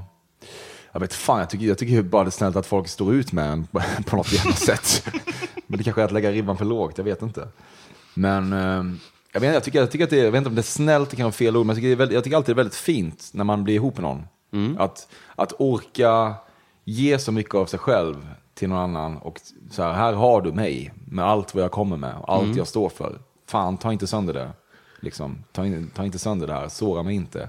Det är, att, att ge det till någon annan är alltid en jävla stor sak. Liksom. Det är, varje gång det händer tycker jag det, det är otroligt. Är du sugen på det? Smetigt. Sugen på att bli ihop med någon? Ja. Nej, Nej. det är jag fan inte. Jag är singel sen, vad det är, fem månader kanske. Så att det, jag, jag trivs ganska bra med det för tillfället. Ja, just det. Det, det är intressant det där, nu kommer jag kanske bli dumpad av det här, men att varje steg man tar i en relation är ju, alltså implicit är det, nu gör jag det svårare, böker att göra slut. Ja, Alltså flytta ihop, ja, att skriva samboavtal, att skaffa barn. ja verkligen. Det är ett helvete varje steg man tar. Man målar in sig i ett sånt jävla hörn. Mm. Ehm, men det är, det, är, det är någonstans det som är det fina också ju. Det är att, att, att, man, att man liksom. gör de grejerna för varandra Mm. är ju otroligt. Att man fortsätter att gå på den där vägen tillsammans. Även om det visar sig att det kan finnas en återvändsgränd och då är det jävligt långt tillbaka. Mm. Så det, det är eh, otroligt varje gång någon väljer att göra det för en. När man gör det för annan tycker jag. Mm. Smetigt det blev. Nej, jag, jag, det behövde sägas. Ja. Kanske behöver lite realness. Eh, David, han undrar vilket minne får du att vråla ut i skam? Tycker om den frågan. Den är jävligt bra, den kräver ju lite tid. Alltså. Är, man, har ju gjort så, man har ju skämt så jävla mycket i, i sitt liv. Ehm. jag, vet, jag, vet, ja, jag vet inte hur starkt det här är, men en sak jag minns i alla fall. Nu, alltså nu skiter jag i det, så att egentligen är det väl liksom massa andra saker. De kanske ligger för nära hjärtat, så jag är inte beredd för att prata om dem. Men jag minns i alla fall att jag började skriva som 15-åring för Smålandsposten. Deras unga redaktion. Och det här var i en tid när nätpoker var jävligt stort i Sverige. Det känns som att du kan ha varit lite... Jag är yngre än du tror. Ja, hur gammal är du? Jag är född 90. Okej, ja, jag fattar. Du, Men jag såg det ju- Du slapp precis det här eländet. Årets julklapp, va? Mm, precis, pokersättet. Ja, men nätpoker, ja, precis, men framförallt Texas Hold'em då, den här varianten av poker som Mm. slog ner som en jävla bomb. Och då fanns det en, en spelexpert som hette Ken Leonard, som jag skulle intervjua, för vi skulle göra någon pokerspecial. Och då minns jag i alla fall att jag, eh, jag då intervjuade honom och så eh, tyckte jag att han var rätt dryg, ganska dryg framtoning och så skulle jag då mässa, det här var innan smartphonen, så att man liksom såg inga pågående konversationer på samma sätt, utan så här, ja. Men då skulle jag i alla fall messa min redaktör och bara så här, hon bara, hur, eh, hur gick eh, intervjun? Och då skrev jag bara så här, ja men helt okej, men fan vilken dryg jävel alltså. Så här, du vet. Ja, du fattar vad jag är på väg. Ja. Och han skrev då varje vecka en, poker, en, stor, en pokerkrönika i Sportbladet. Och veckan därpå då så inser jag att, så här, för då skriver han bara så här, så här du vet, apropå att bluffa. För han gör någon pokervinkel av det. En pokerface. Han sa till mig i telefonen att han tyckte jag var så jävla trevlig och tack för allt. Och sen så får jag ett sms, han tror att han har skickat sin redaktör. Där han skriver bara, vilken jävla dåre det där var liksom. Han skrev det i Han, tidningen? han, alltså. han hängde inte ut mitt namn Nej. tror jag. Eh, och det här, fan vad jag kan leva med det här. Jo. Det är liksom... Men eh, det är i alla fall, jag, jag min, vid, vid, tidpunkten så var det ju en otrolig skam. Är, men sen finns det ju folk som har gjort, jag fattar att felskick av sms har fått långt värre konsekvenser än det där. Men eh, jag vet fan, jag skulle behöva tänka längre på den för att komma med något bättre kanske. Den är ju otrolig. Men han, det är intressant med honom, för han är ju... Eh, alltså, han var väl kattens potatis då, liksom. Alltså, han var ju den tidens corona... Ja, ja, ja epi- det epidemiolog. Ja, men det, fanns ju, det var ju han, han och en kille som heter Dan Glimne, nu blir det killigt som satan. Han minns jag från TV4. Ja, de två är radarparet. Dan, Dan Glimne var liksom GV, professorn. Lite lik Björn Hellberg faktiskt. Men nu tror jag att Dan Glimne har blivit full-blown eh, rasist. Ah, ja. Mm. Och, ja. Och Ken Leonard vet fan vad han gör. Nej. Mår inte toppen heller, eventuellt. Jag vet inget om detta. Nej. Men det känns som att han kanske saknar rampljuset. Det är det jag tänker med om du, kommer, om du får Tegnell som svärfar, att det kommer kanske bli jobbigt att se, träffa en föredetting hela tiden. Så om du får eh, Tegnell, ja. som svärfar, och så, Ja. så, så har han samma kurva som Glim. Ja, Glim, Glimne. Men jag, jag tror också att du underskattar Tegnells likability ute i landet. Alltså han, har, han har varit den mest framträdande personen i det mest unika vi alla gått igenom. Det är inte en liksom jävla tomte som har suttit och kommenterat när kändisar som Dilba och Dregen spelar poker. Det är liksom någonting annat med Tegnell. Han kommer, han, även om han blir en föredetting så kommer han bli en föredetting på samma sätt som Zlatan blir en föredetting när han slutar. Han, det, han har gjort ett för starkt avtryck Han kommer ha en otrolig aura runt sig resten av livet. Jo, men du tittar också på varje presskonferens. För sådana som mig så är han ju ändå, vad hette hon, oh, Lottie Knutsen. Ja. Alltså han är ju ganska mycket Lottie Knutsen Jo, mig. absolut. Eh, fast ändå mycket mer. Men det, jag har också för, försökt förklara för dig att det handlar inte om hur han lyckas med det här. Jag vill ha någon som svär för att, för att jag tycker att han är den bästa människan jag någonsin sett. Och det förstår jag, men jag Ja. tror att ett föredettingskap kan skada människor. Ja, du menar att han kommer bli en sämre person? Ja. Det är det han inte kommer bli. Det här, hade du sett 14 presskonferenserna varje dag så hade du vetat att han är ingenting, ingenting når honom, inget kommer åt honom. Han är bara god. Han kommer fortsätta vara god. Det är det enda man vet om världen just nu, att Tegnell kommer fortsätta vara världens bästa person. All in Ja. på det. Peter Axling undrar vad du höll på att bli. Innan jag blev det här. Alltså, man får tolka ganska fritt, tänker jag. Ehm, vad jag höll på att bli. Jag vet, jag vet fan inte riktigt. Jag, hade, jag har liksom aldrig haft några andra... Jag, jag kommer ändå tolka den som någon slags... Alltså, jag har aldrig, det är inte så att jag, haft, att jag hade ett stök, jag hade några stökiga tonår. Så jag kan säga så. Jag höll, det höll på att gå dåligt för mig. Ja. Men nu sitter jag här med dig och liksom får bre ut mig i Mina vännerboken. Ja, jag vet inte, jag, jag, höll, jag hade nog liksom inga riktiga alternativa karriärsval. Jag funderade lite på att bli psykolog typ. Inte så jävla intressant. Pluggade en termin i det i Göteborg. Men det kändes ändå alltid som att jag eh, skulle bli något åt det här hållet. Så att jag, jag vet inte, jag har nog bara liksom puttrat på mot någon slags medelmåttighet. Och här är vi nu. Alltså, en fördom om dig. Mm. är Att du är skakad ganska mycket ur Filip och Fredriks kappa från när du var liten. Ja, så är det väl. Eh, Det är väl inget, inget snack om det. Men jag tycker inte heller att det, det, det finns ju också någon slags... Att det finns en slags skam kring det. Att man som kille gillar Filip Fredrik. Ja, men det har i alla fall varit så ett tag känns det som. Så här, men jag tycker det är väl inte så- De fan gjorde väl mycket, mycket bra liksom. De gjorde ju saker som ingen annan gjorde vid den tiden.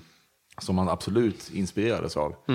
Ehm, så att det, det är klart att jag inspirerats svinmycket av dem när jag var liten. Men det var nog liksom många som, som Sverige behövde dem då också.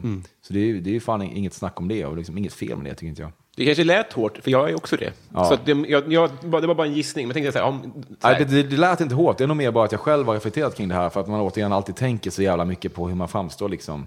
Och det, jag förstår att det är väldigt lätt att ironisera över Filip och Fredriks gäng. Jag kan se det från utsidan. Det, är liksom, ja, det, det finns inte eh, liksom, mer, mer öppet mål i världen på något sätt. Men, eh, men jag, jag kan, det, det, är liksom fine.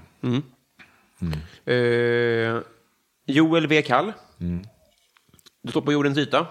Du går en mil söderut, en mil västerut och en mil norrut. Du hamnar där du startade. Var är du? Oj, det här borde, du- borde du ställt innan vi öppnade ölen. Men det, det, ska jag tolka det som att var jag helst befinner mig i världen? Nej, utan det finns någonstans på jordens yta. Där, tänker du punkt A. Och så går du en mil söderut, en mil Ja, västerut det är en och en mil gåta, norrut. typ. Exakt, och så kommer du Det är tillbaka till punkt Fader A. Fora som skickat in den här. Okej, kul. Det är ju för övrigt en dödsdom att få det jobbet. Det är väl typ fem personer som har dött där uppe.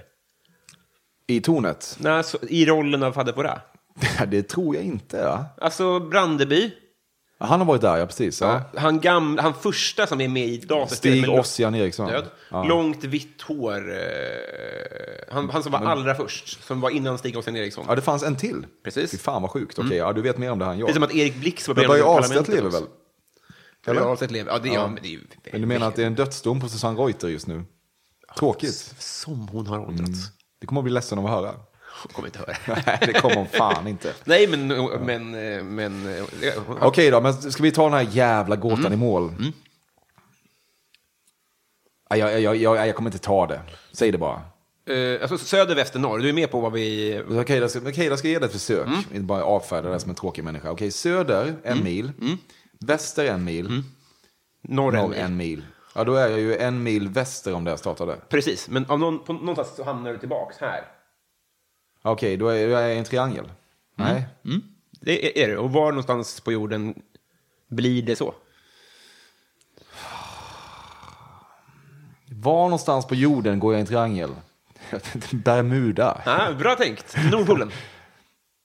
Söder, Ja. Väster, Ja. norr. Då kommer du tillbaka till Nordpolen Ja, igen. såklart. Hemisfärpiss. Alltså, jorden är rund. Just det. Ja, det borde jag Jajamän. tänkt på. Ja, Ibland har jag använt den här lampan Ja. för att visa. Ja, den där gillar jag. Ja. Ja, kul. Desi Hietala. Förlåt att jag alltid frågar mitt i klunken, men man får dricka här. Jag har ingen, ingen ljudbild. Det är väl snarare jag som ska be om ursäkt för att jag sitter och dricker när jag förväntas prata. Men kör. Desi Hetala, ljuvlig människa, undrar om man inte har en sån här podd, hur blir man då din kompis? Mm, det blir man inte. Nej. Jag umgås väl inte med poddlösa lowlife. Tack. Vi kan bara gå vidare på det. ja, det kan vi göra. Eh, Fredrik Nyström undrar, modern lager eller modern ytterback? Mm, alltså modern lager som är, är humlad öl, typ. Mm. För att modern lager är väl knappast den här ljusa Åbro-lagern. Jag kan inte det här. Men, men Ja. humlad? Eh, alltså, alltså, som jag tolkar frågan så är det ju, IPA Mm. kom ju, blev stort. Och sen så kom det ju då en, så här, för folk som gillar IPA men helst vill dricka lager, så fanns, fanns det då ett mellanting. Som är liksom, tror jag, en lager med, med mycket humle. Jag vet inte heller där egentligen. Jag tror något sånt. Men jag kommer ändå svara det andra, modern eh, ytterback. För att laget jag håller på Liverpool har, jag, jag, jag vet också att det finns, jag vill säga det här till de som lyssnar på fotboll, att det, det drivs mycket med termen modern ytterback. Man har använt den i 20 år och det funkar fortfarande och så vidare. Men det råkade vara så att laget jag håller på har de två bästa ytterbackarna i världen. Mm. Andy Robertson och Trent Alexander-Arnold. Så att jag älskar dem. Och eh, jag, älsk, jag måste inte dricka hum, eh, modern lager. Nej. Nej. Eh, Viktor Bisell undrar favoritlåt just nu. Ja, men i, dessa, I dessa otrygga tider så har det blivit mycket att jag gå- tillbaka till sånt som, eh, som ger mig eh, ett lugn. Nu trodde jag att jag kommer säga Bon Jovi, men det kommer jag inte. För att jag känner att vi är färdiga med det spåret. så jag, jag lyssnar mycket på eh, en låt som heter For a Dancer med Jackson Brown. Otroligt eh, tröstrik och vacker. Jag rekommenderar alla att lyssna på den och lyssna på honom generellt om ni inte har gjort det. Han har också, han har också fått corona. Nej, är det sant? Så att jag tänker väldigt mycket på hur han mår. Han får inte dö. För det är ju ingen riktig kändis som har dött än.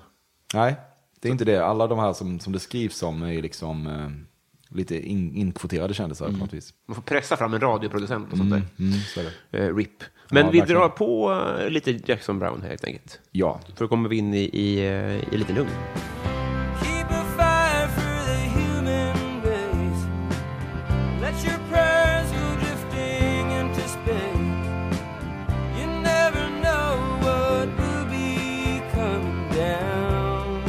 Johan Dykhoff, han är för övrigt Sveriges mest eh, MLS-expert.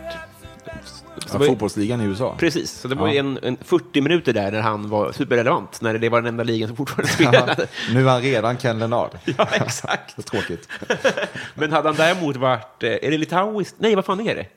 Det är någon liga som fortfarande lirar, om det är Vitryssland. Ja, det. Ja. det hade varit bättre för honom nu, Verkligen. där pengarna finns. Han undrar, vad får dig att känna dig inte vuxen? Kanske något du borde ha lärt dig vid det här laget? Mm. Jag kan inte blanda en kortlek. Nej. Alltså på det här eh, raffinerade, flapprande sättet. Samma här.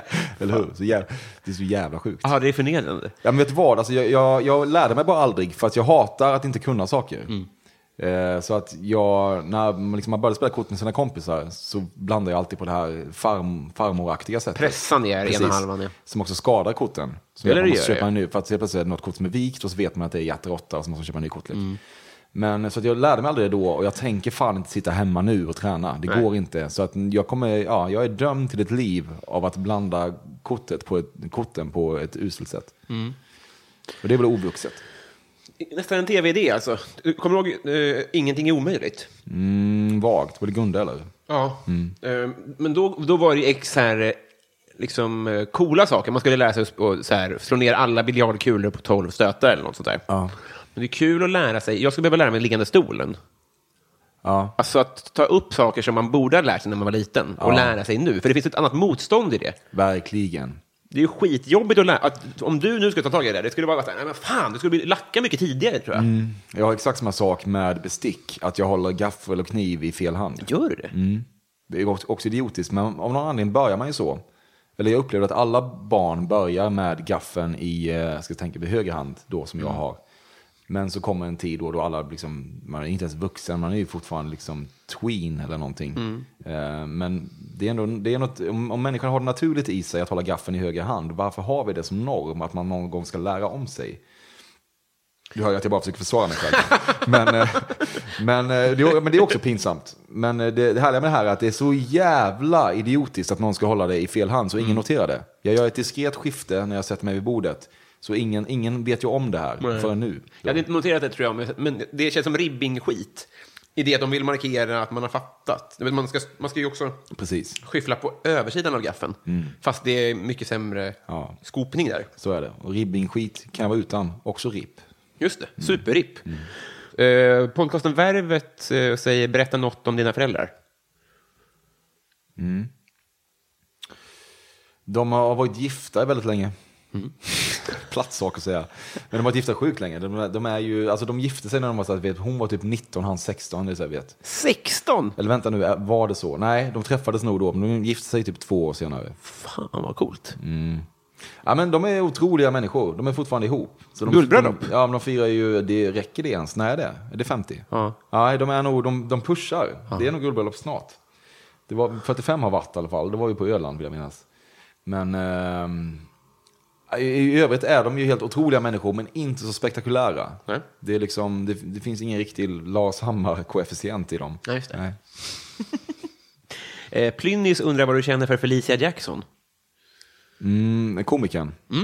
Ja, jag har tyvärr ingen relation. Nej. det, låter, eh, det låter svagt och oinsatt. Men jag, jag, har, jag har inte jättemycket koll på, eh, på henne. Det är, det är sin ordning tror jag. Hon är inte superoffentlig. Nej. Än. Nej. Jag visste i alla fall vem det var. Exakt. Eh, Jimmy Söderqvist undrar vad tror du att andra människor stör sig på med dig? Jag vet att de stör sig på eh, att när man är ute med mig så låter jag inte folk gå hem. Sant? Ja. Jag jag är fullt medveten om att det är ett värdelöst beteende. Nja. Man känner sig uppskattad tror jag, eller? Ja, det, det är alltid, alltså så, här, så här går det till. Att det som har hänt är att folk har börjat utveckla metoder. Så att jag får aldrig säga hej då till någon längre. Folk gör vad, vad min kompis Kristoffer kallar för French exit, så jag antar att det är begreppet. Men jag har bara hört honom säga det. Men, eh, att, Har det med French Kiss att göra? jag, jag vet inte, men det, det, enligt honom så betyder det att man drar utan att säga hej då. Man bara pyser.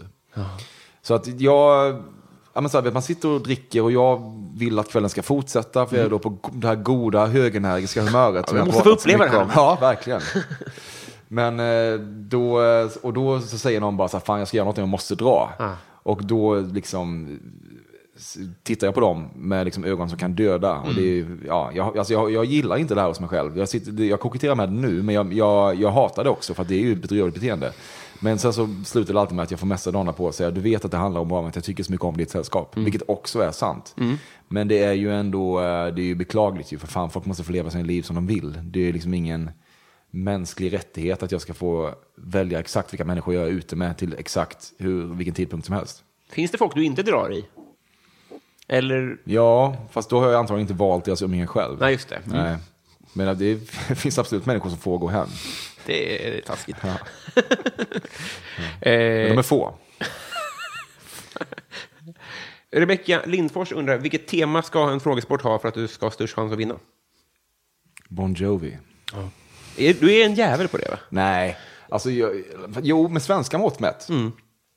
Men, eh, ja, men alltså, det här blir bara mina specialområden då. Det blir, jag kan ganska mycket om Bruce Springsteen. Mm.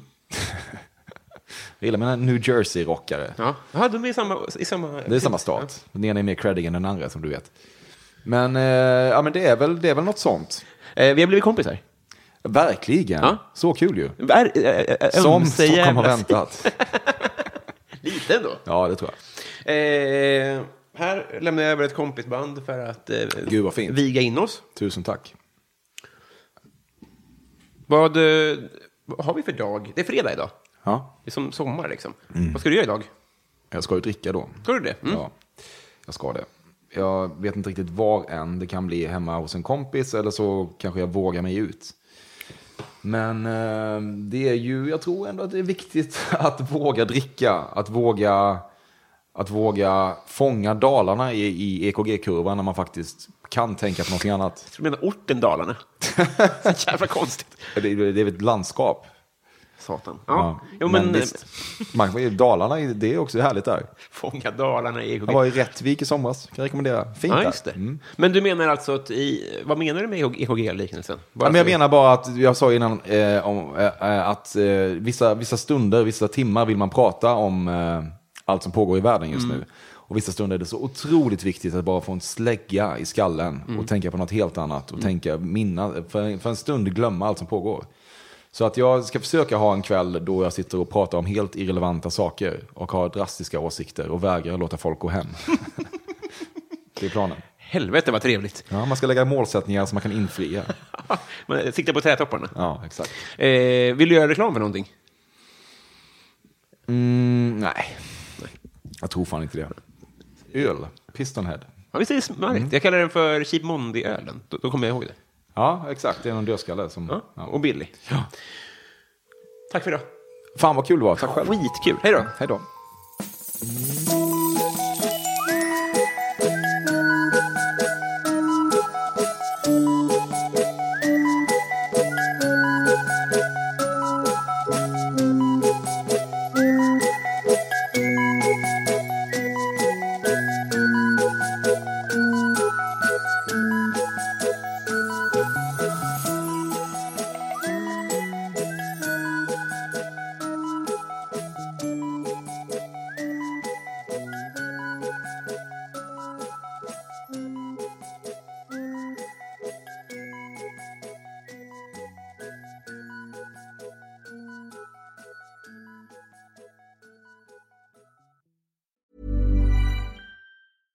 A lot can happen in the next three years. Like a chatbot may be your new best friend.